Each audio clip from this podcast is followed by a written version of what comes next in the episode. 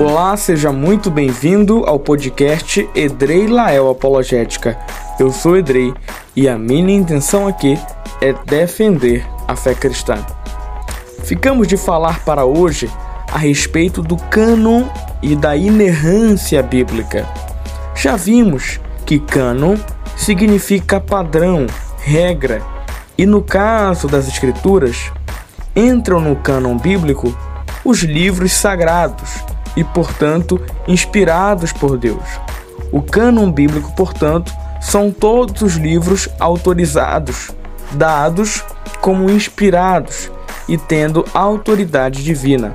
Obviamente, os livros que não são inspirados ficam de fora do cânon, chamados de livros apócrifos, não canônicos. Nesse caso, vamos analisar em primeiro lugar porque nós consideramos os livros do Antigo Testamento como canônicos. Fato é que o próprio Jesus Cristo nos deixou a Bíblia hebraica como escritura sagrada, não só pelo fato de ele mesmo ser o cumprimento do Antigo Testamento em pessoa, mas também porque ele mesmo fez várias afirmações para ratificar o Antigo Testamento. Não são poucos os exemplos em que Jesus se utilizou de textos do Antigo Testamento para confirmarem ações suas e também para demonstrarem que o que ele estava fazendo era, na verdade, em cumprimento de profecias do Antigo Testamento. Você deve estar lembrado de quando Jesus, em Lucas capítulo 4, entrou na sinagoga e abriu o rolo do profeta Isaías e achou o lugar em que estava escrito, Lucas 4, versículo 18: O Espírito do Senhor Jeová está sobre mim, pelo que me ungiu para evangelizar os pobres, enviou-me para proclamar libertação aos cativos e restauração da vista aos cegos, para pôr em liberdade os oprimidos e apregoar o ano aceitável do Senhor. Quando Jesus abre em Isaías 61 e lê o texto que ali estava, ele estava então fazendo uma afirmação messiânica a respeito dele mesmo. Em Mateus, o capítulo 5 e versículo 17, no famoso Sermão da Montanha, Jesus faz questão de indicar que o texto da lei e dos profetas eram autoritativos e ele veio não para revogá-los, mas para cumpri-los. Não penseis que vim revogar a lei ou os profetas. Não vim para revogar, vim para cumprir, porque em verdade vos digo: até que o céu e a terra passem, nenhum i ou um tio jamais passará da lei até que tudo se cumpra. Portanto, Jesus está aqui ratificando a lei e os profetas, o que nós chamamos de Antigo Testamento. E sabemos que o que a Bíblia protestante hoje chama de Antigo Testamento era a Bíblia hebraica, o texto maçorético que Jesus utilizava no século I e tinha, assim como os outros judeus, aquilo como escrituras sagradas. Quando Jesus ressuscita dentre os mortos, ele mais uma vez confirma o Antigo Testamento enquanto escritura sagrada, como por exemplo em Lucas, no capítulo 24, em que Jesus se aproxima dos discípulos que iam para Emaús reclamando do fato de que Jesus ainda estava morto e eles achavam que aquele era o Cristo que restauraria o reino a Israel. E então Jesus se aproxima deles em Lucas 24, 25 e diz: Honestos e tardos de coração, para crer tudo o que os profetas disseram. Porventura não convinha que o Cristo padecesse e entrasse na sua glória?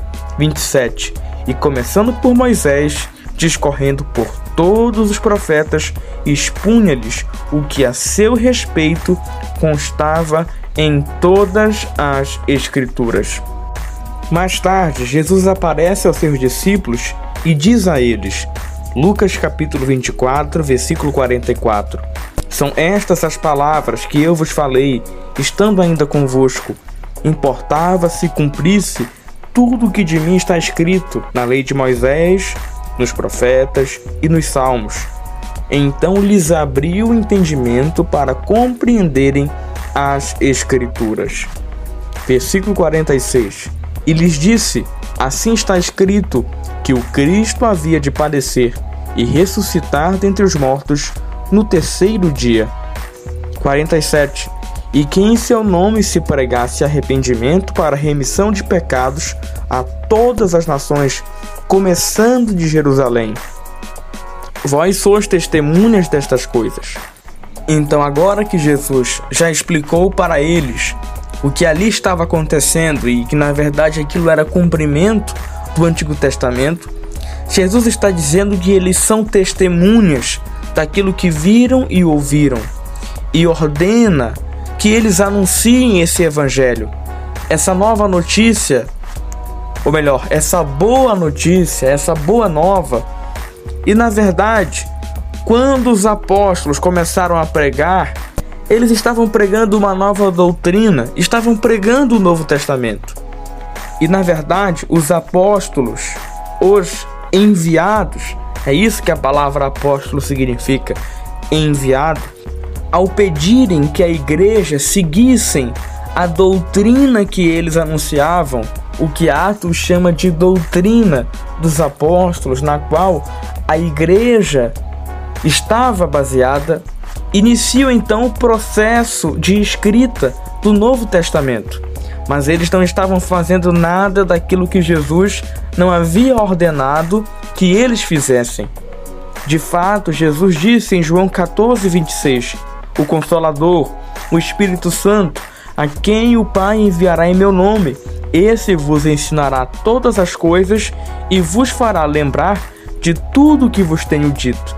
Então, quando eles pregavam o Evangelho, anunciavam a doutrina nova do Novo Testamento, eles estavam apenas sendo guiados pelo Espírito Santo, lembrando de tudo aquilo que Jesus tinha ensinado a eles. João 15, 26 diz: Quando, porém, vier o Consolador, que eu vos enviarei da parte do Pai, o Espírito da Verdade, que dele procede, esse dará testemunho de mim, e vós também testemunhareis, porque estás comigo desde o princípio. Em João 16 não é diferente. Jesus diz a seus discípulos, em João no capítulo 16, no versículo de número 13: Quando vier, porém, o Espírito da Verdade, ele vos guiará a toda a verdade porque não falará por si mesmo, mas dirá tudo o que tiver ouvido e vos anunciará as coisas que hão de vir. E é justamente sob esse sentimento de que eles estavam cumprindo as palavras de Jesus que os apóstolos começam a escrever. E então a igreja se dedica se debruça mediante a doutrina apostólica. Então, se há algo que define o critério canônico do Novo Testamento, é justamente o critério apostólico. Porque os livros do Novo Testamento ou são escritos por apóstolos ou por pessoas que estavam próximas aos apóstolos, aprendendo diretamente com eles, como Lucas, esteve com Paulo e, sobretudo, que seguiam em seus escritos a doutrina apostólica, estava em conformidade com a doutrina dos apóstolos. É interessante como Paulo, o apóstolo que escreveu praticamente metade do Novo Testamento, 13 epístolas. E se você pensar que o Novo Testamento tem 27 livros, 13 é praticamente a metade disso, estava cheio do sentimento de que o que ele escrevia, do que o que ele falava era a palavra de Deus, era mandamento de Deus. Em 1 Coríntios capítulo 14, versículos 36 e 37, ele diz: Porventura a palavra de Deus se originou no meio de vós, ou veio ela exclusivamente para vós outros? Se alguém se considera profeta ou espiritual, reconheça ser mandamento do Senhor o que vos escrevo. Outra vez, escrevendo aos Gálatas, Paulo afirmou que se alguém pregasse um outro evangelho, um evangelho diferente daquele que ele anunciava, deveria ser considerado anátema, mesmo que fosse um anjo de luz. Em Gálatas capítulo 1, versículo de número 11, Paulo diz: Faço-vos, porém, saber, irmãos, que o evangelho por mim anunciado não é segundo o homem. 12. Porque eu não recebi, nem o aprendi de homem algum, mas mediante revelação de Jesus Cristo. Então Paulo acreditava que aqueles escritos eram na verdade o evangelho que ele havia recebido de Jesus Cristo.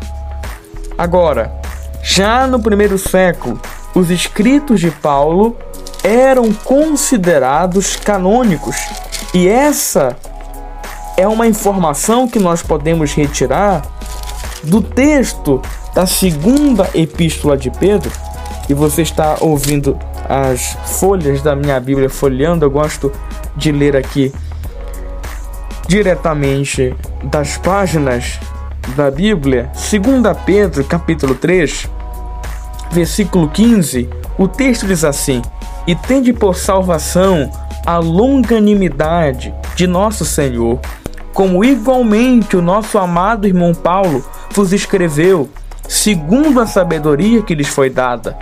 Ao falar acerca destes assuntos, como de fato costuma fazer em todas as suas epístolas, nas quais há certas coisas difíceis de entender, que os ignorantes e instáveis deturpam, como também deturpam as demais escrituras, para a própria destruição deles. Então aqui Pedro compara as escrituras paulinas as demais escrituras, portanto, colocando-as no mesmo patamar, na mesma condição das escrituras do Antigo Testamento. Portanto, o Antigo e o Novo Testamento, testamentos, ambos são baseados nas palavras de Jesus, tanto no sentido de que Jesus Cristo era a confirmação do Antigo Testamento bem como no fato de que o Novo Testamento foi escrito sob as ordens que Jesus deu aos seus apóstolos. Até agora vimos que se a Bíblia é divinamente inspirada, então ela é a palavra de Deus. E que se na Bíblia só há livros inspirados por Deus, logo há um cânon bíblico. Hoje vamos ver que se a Bíblia é a palavra de Deus e Deus não erra, uma vez que por definição é moralmente perfeito e inteiramente verdadeiro, então a Bíblia é inerrante. É assumindo que a Bíblia é divinamente inspirada e palavra de Deus que os cristãos chegam à conclusão de que, consequentemente, ela não possui erros.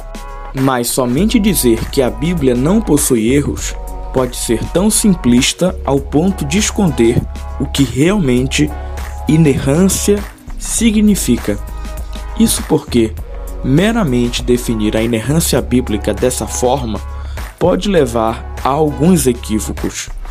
Em primeiro lugar, é bem verdade que a Bíblia possui proposições com valor de verdade falso.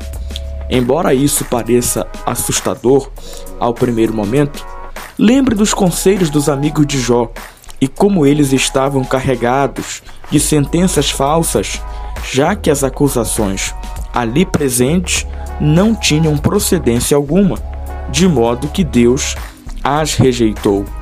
Na verdade, em vários momentos em que a Bíblia conta sobre palavras ou ideias de pessoas ímpias, ali se vêem pensamentos errôneos, moralmente deploráveis e proposições falsas.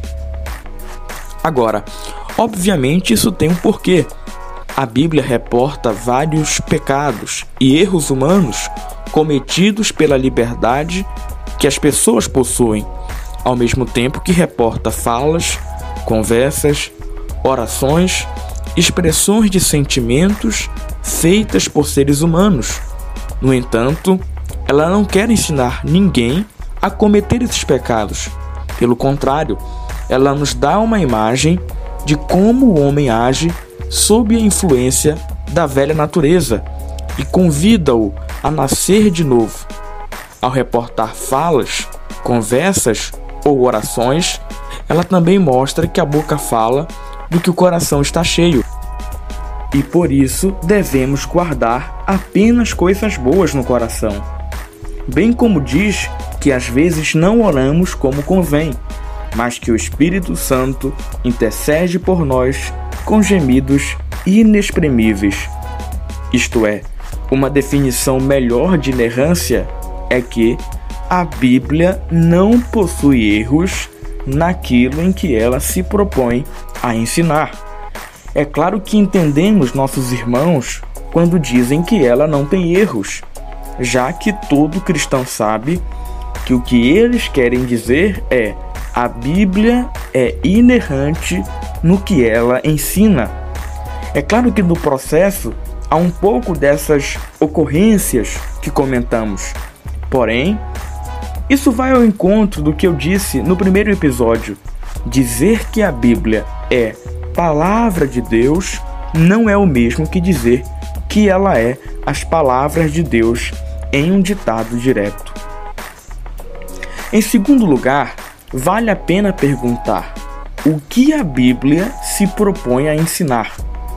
A resposta a essa pergunta leva ao motivo pelo qual os cristãos gostam muito da inerrância bíblica. A Bíblia se propõe a ensinar tudo o que o ser humano precisa para ser salvo. Então, isso certamente envolve as doutrinas as doutrinas que os crentes tanto prezam, a doutrina da criação, a doutrina do pecado, a doutrina da salvação, a doutrina de Cristo, a doutrina da igreja, a doutrina das últimas coisas e assim por diante. Dizer que a Bíblia não contém erros no que ela se propõe a ensinar é dizer que as doutrinas cristãs são amplamente coerentes, inteiramente verdadeiras e confiáveis. Enquanto fonte da doutrina cristã, a Bíblia é inerrante e ninguém espera menos do que isso se a fé cristã é verdadeira.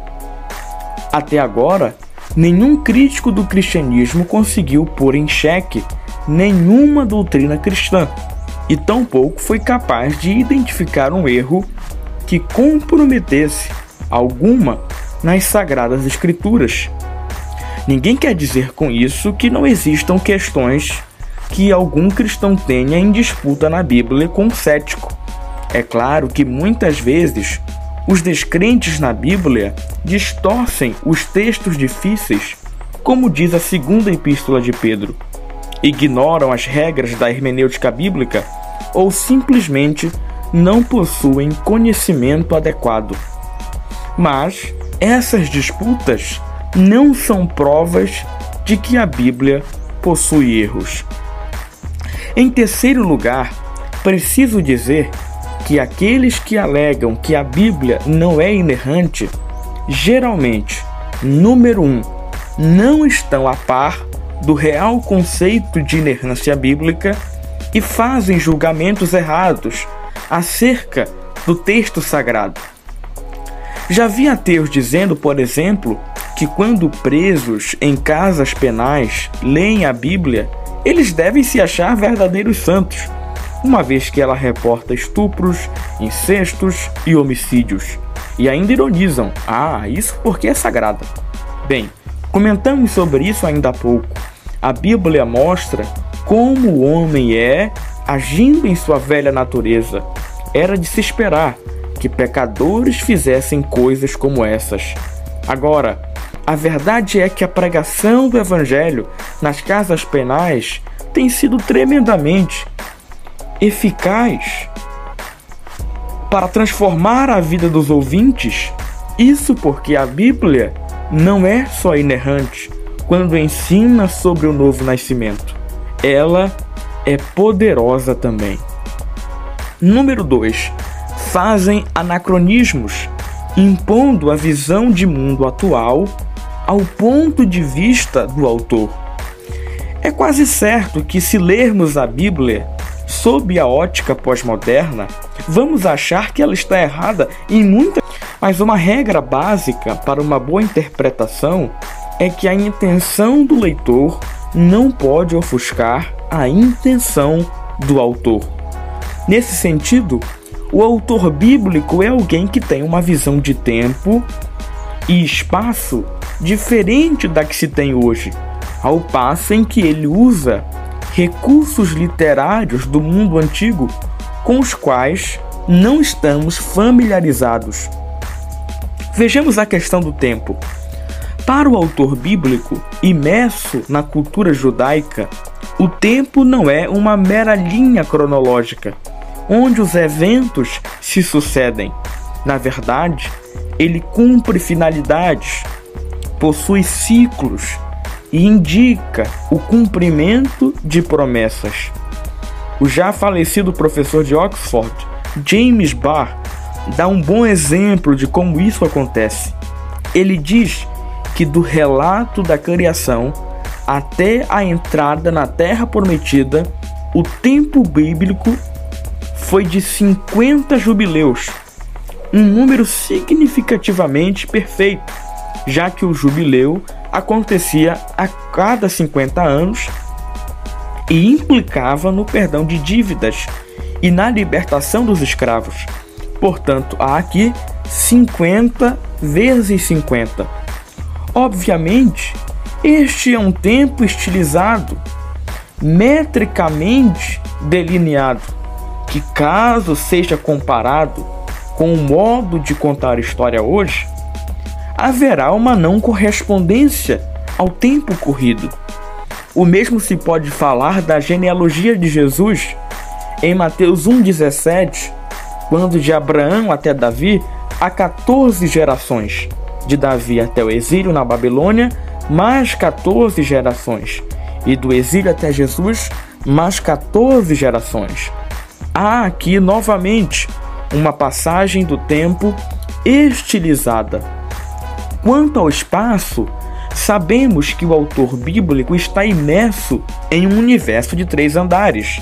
Ele está na terra, acima está o céu e embaixo está o abismo.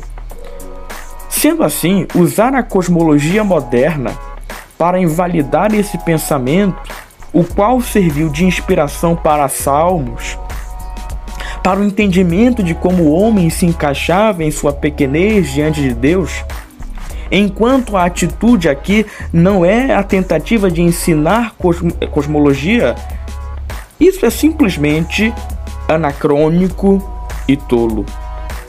A literatura de uma cosmogonia, por outro lado, é diferente da literatura escatológica, que é diferente da poesia, que é diferente da profecia, que é diferente da biografia antiga. Agora, todos esses fenômenos estão acontecendo enquanto verdades espirituais estão sendo ensinadas nas Escrituras. Lê a Bíblia sob o ponto de vista da ciência moderna para desconsiderar a intenção do autor e as doutrinas que ela ensina é uma atitude desesperadamente anacrônica, ignorante e simplória. Número 3. Os críticos alegam incoerências internas na Bíblia porque não compreendem a doutrina cristã como um todo e preferem vê-la em parte ou de forma superficial. A progressiva revelação que acontece na passagem do Antigo para o Novo Testamento, a etimologia das palavras e a concordância na teologia sistemática só são alguns dos fatos que não podem ser esquecidos na análise das Escrituras. Pretendo continuar falando sobre essas questões com vocês logo logo. Por hoje, ficamos por aqui. Obrigado pela companhia.